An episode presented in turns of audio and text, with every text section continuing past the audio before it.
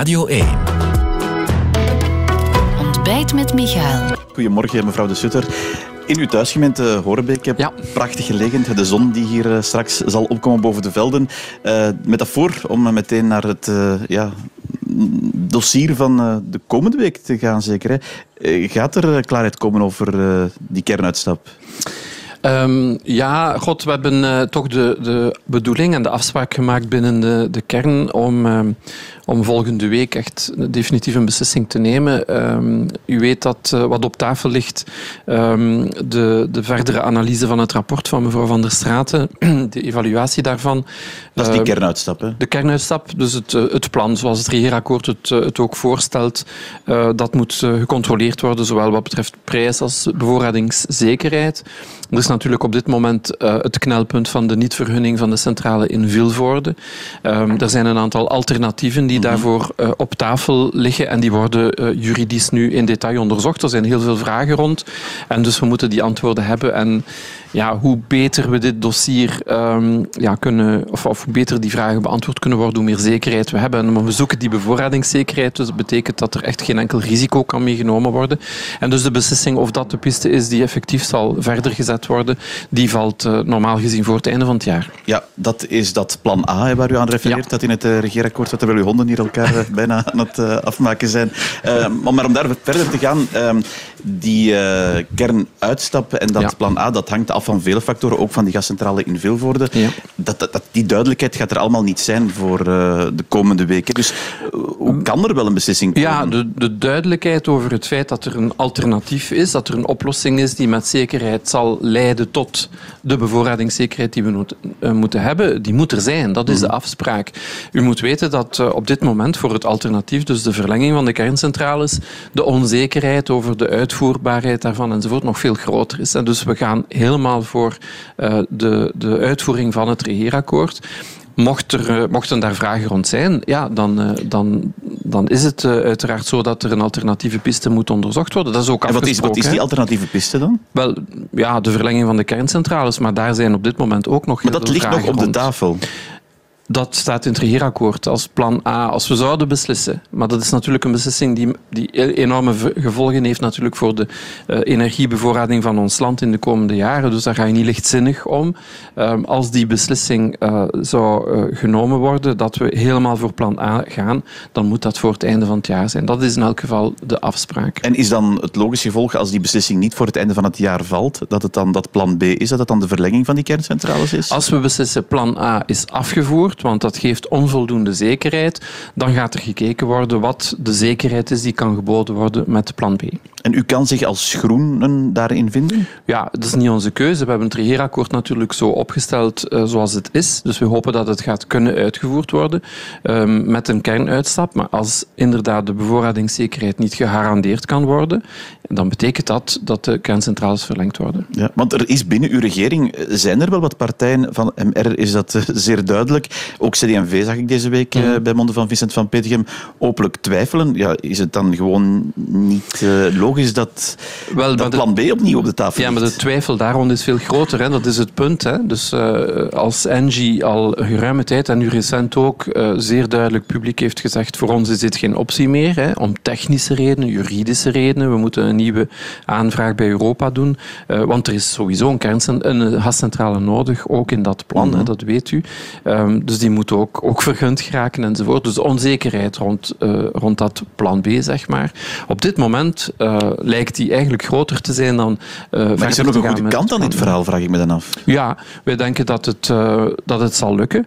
Maar we hebben alle respect voor de, de vragen en de, de bezorgdheden van iedereen die rond de tafel zit. Dus als andere partijen openlijk ook zeggen van ja, we stellen ons die vragen, dan is het natuurlijk nu aan, aan iedereen om daar antwoorden op te formuleren en wij zullen ons daaraan houden. Ja, niet alleen bij de mensen aan de tafel zijn er vragen. Ook. Eh, bedrijven, eh, heel grote bedrijven, maken zich echt zorgen. Ehm, is dat iets wat u hoort? Wel, ja, ik denk dat er ook heel veel zijn die naar de toekomst kijken en die wel begrepen hebben waarom deze beslissing in 2003 is genomen en nu uitgevoerd wordt. Het grote probleem, en laat ons dat toch toegeven, zit hem in het feit dat hadden we willen gaan voor een verlenging van de, de, de kerncentrales, de twee laatste, doel 4, Tihange 3, dat dan eh, de beslissing eigenlijk al in 2018 had moeten genomen worden. En toen is eigenlijk heel duidelijk de kernuitstap bevestigd. En dus nu, vijf voor twaalf, zeggen oei, we moeten toch gaan verlengen. Of uh, kan het nog en we zijn, we zijn eigenlijk te laat. Is een beetje lastig, want de beslissing is, uh, is eigenlijk al drie jaar ja, te laat genomen dan. Dus de, de bezorgdheid van mensen is heel correct. Maar nu moeten we doorpakken. Nu moeten we echt 100% voor die bevoorradingszekerheid gaan.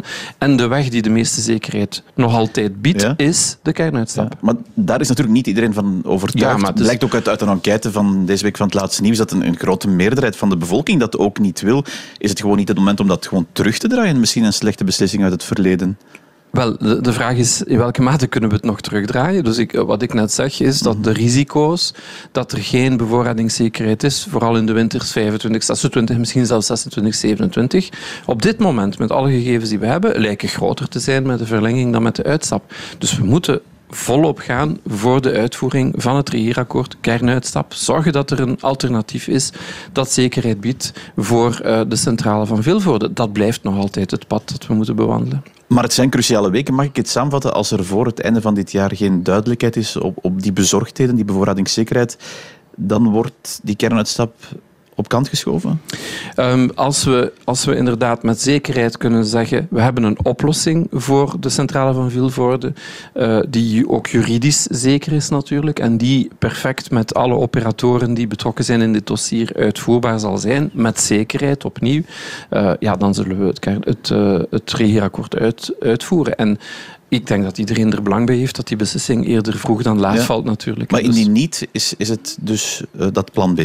Indien niet, dan gaan we kijken inderdaad wat dan nog andere alternatieven zijn om die bevoorradingszekerheid uh, te bekomen. Dat is wat het regeerakkoord zegt. Uh, en ik begrijp ook dat moet er wel komen, die duidelijkheid voor... Voor het einde van het jaar, dat hebben we afgesproken. Dus dat, dat zou eigenlijk in de loop van volgende week moeten zijn. Dan, ja. ja en dan is dat beklonken? Dan is dat dossier hopelijk uh, beklonken. Maar uh, dan begint het natuurlijk pas, hè, want het is de uitvoering dan uh, die moet gebeuren. en wij kijken natuurlijk niet alleen naar die kernuitstappen. Tine van der Straat heeft dat al voldoende gezegd. Het gaat om de energiebevoorrading voor de komende 10, 20 jaar. Inzetten op hernieuwbare energie. Offshore wind is dat op het federale niveau.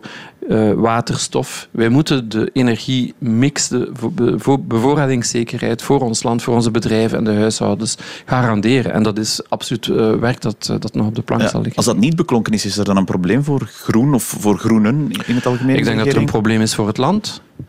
Dat is niet het probleem voor groen of de groenen, dat is een probleem voor het Hanse land. Want wij moeten een oplossing hebben om ervoor te zorgen dat in 25 dat er elektriciteit is voor iedereen, voor bedrijven en huishoudens. Hoe we dat doen, dat is een collectieve verantwoordelijkheid. Dat is absoluut niet een probleem voor groen. Nee, maar wat ik eigenlijk wil zeggen, hangt, hangt de regering helemaal af van het feit of die kernuitstap gelukt zal zijn of niet? Nee, want anders, anders hadden we het regeerakkoord niet goedgekeurd. Want het regeerakkoord zegt duidelijk dat de kernuitstap voorwaardelijk is, onder voorwaarden van bevoorradingszekerheid. En dat hebben wij goedgekeurd. Daar gaan we ons ook aan houden. Ja, ik vraag u ook omdat er een uh, moeilijke klant aan tafel zit hè, met de MR, uh, die ja. ook op veel andere thema's waar uh, u op focust. De hervorming van de fiscaliteit, eentje ja. van Vincent van Petegem, waar u ook op hamert. we hebben dat ja, maar we hebben nu gezien met die belastingvoordelen voor voetballers, waar dat dan eindigt in een soort halfslachtig compromis. Kan u zich er allemaal in vinden, in die dingen? Wel, om te beginnen, ook voor de MR, die hebben het regeerakkoord ondertekend. Dat betekent dat ze het moeten uitvoeren in loyaliteit binnen de coalitie.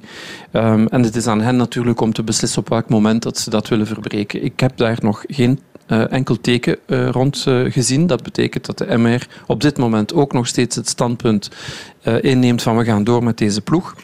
Maar natuurlijk vechten zij rond de tafel voor hun principes, net zoals andere partijen dat doen, en voor ons ook.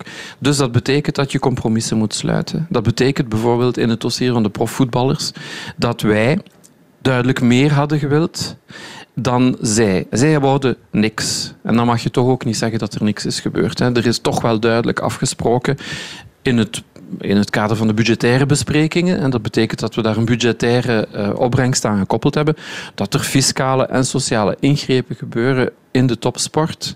Um, bijvoorbeeld ook in de, in de voetbal, wat voor uh, Georges-Louis Boucher een, een gevoelig punt is natuurlijk. Hij is daar zelf bij betrokken. We hebben afspraken gemaakt wat we gaan doen. Met tegenzin van de MR. Met tegenzin van ons. Ja, want wij maar kan je daar meer, dan een fiscale hervorming van, van je welst mee doorvoeren als het eindigt in, in iets dat ja, een halfbak compromis is? Ja, maar dat kun je natuurlijk over alles zeggen. Hè? Dat ja, elke, dat is, je kan het effectief over alles zeggen. Hè? Uh, ja, het land moet geregeerd worden. Maar kan u dan wel en, uw stempel drukken als u altijd eindigt met Toch wel, toch wel, want er zijn dossiers. ik ga het dossier nemen van uh, de, de vergroening van de, de fiscaliteit uh, van de bedrijfswagens. Bedoel, zonder de groenen in de regering was dit er niet gekomen. Dat durf ik duidelijk zeggen. Dat uh, betekent dat wij onze stempel daarop drukken. Je kan natuurlijk zelden zeggen van gaat het ver genoeg, hadden we niet moeten gewoon het principe van de bedrijfswagens afschaffen enzovoort. Wat ons betreft natuurlijk, dat is ons partijprogramma. Maar een regeringsdeelname betekent niet je partijprogramma realiseren, dat betekent compromissen zoeken om zeven zeven partijen zover te krijgen. Dit heeft een, dat is een duidelijk groen project. De investeringen die we afgesproken hebben, die heel duidelijk ook op Europees vlak, maar eigenlijk ook federaal, absoluut een groene stempel dragen. Ja, dat was niet hetzelfde geweest zonder de groene in de ik, regering. Ik vraag het u ook omdat ja, Groen heeft niet bepaald uh, goede herinneringen aan regeringsdeelname. Ik refereer aan, aan uh, de periode 99-2003. Um, de peiling vorige week was ook niet goed. U bent de kleinste partij van allemaal, kleiner dan de PVDA. Ja, het ziet er niet naar uit dat, dat uw achterban, dat de kiezer u beloot voor, voor uh, wat u dan die compromissen Ik denk, ik denk dat de peiling um, een malaise in de bevolking in Vlaanderen, aan de Vlaamse kant zeker, toont ten opzichte van het beleid dat wij als regering voeren in deze pandemie. Heel veel mensen zijn ontevreden. Ja, maar Partij als Vooruit gaat wel vooruit in die peiling. Vooruit gaat vooruit, maar dat is helemaal te wijten aan de persoon van uh, Frank van den Broeke. Die natuurlijk In de, ja, daar ben ik van overtuigd. Die in de coronapandemie natuurlijk de, de persoon is met, uh, met de, de grootste zichtbaarheid, die de stempel drukt op het beleid enzovoort. Um, en ik vind dat dus heel logisch. En dat is goed. Maar aan de andere kant heb je mensen die het beleid uh, ja, niet goed vinden en die hun individuele vrijheid ingeperkt zien ten opzichte van het collectief belang waarvoor we dat natuurlijk doen. Uh, dat, moet, dat hoeft niet uitgelegd te worden.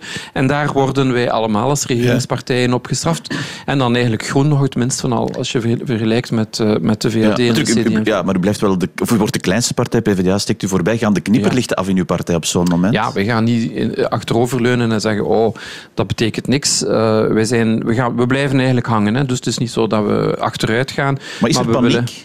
Of onrust? Er is geen paniek, er is, geen onrust, maar er is wel het besef van oké, dit moet beter. We zijn geen partij die met die cijfers tevreden zijn. Uh, dat betekent dat wij uiteraard volop gaan blijven inzetten op waarvoor wij in deze regering zitten en wat wij willen realiseren naar 24 toe. Dit is een peiling, we noteren ze. Ze is niet goed, we zijn daar niet tevreden mee, maar we gaan daarom niet in paniek. We moeten daar gewoon aan werken. We hebben nog twee jaar. De partij is ook heel hard bezig met um, ja, na te denken over hoe we uit deze pandemie en met het verleden uh, achter ons naar 24 toe uh, effectief uh, de kiezer terug kunnen, kunnen verleiden zeg maar, tot, tot ons project. En tonen ook dat we mee hebben bestuurd en dat we dingen hebben gerealiseerd. En dat het de moeite is om toch op een partij zoals Groen te stemmen natuurlijk. Maar dan weten dat, dat een groot deel van de bevolking duidelijk zich kan tegen die kern uitstappen, dan bent u misschien niet op het juiste pad? Ja, ik denk niet dat mensen om die reden, om die reden reden um, voor partijen gaan stemmen. En ik mag, misschien een aantal, maar mag hopen dat de meeste mensen ook in ons programma voldoende andere ik, groene en sociale aan de man in straat vraagt voor wat staat groen, dat is voor de kernuitstap natuurlijk. Hè? Ja, bon, binnen twee weken, als dat dossier achter ons ligt, uh, hoop ik dat mensen over andere dingen gaan praten. We hebben een groen programma dat veel verder gaat. De kernuitstap is niet een doel op zich. Hè. Dat is een middel. Hè. We hebben een doel, hernieuwbare energie, de klimaatverandering aanpakken met alle mogelijke middelen.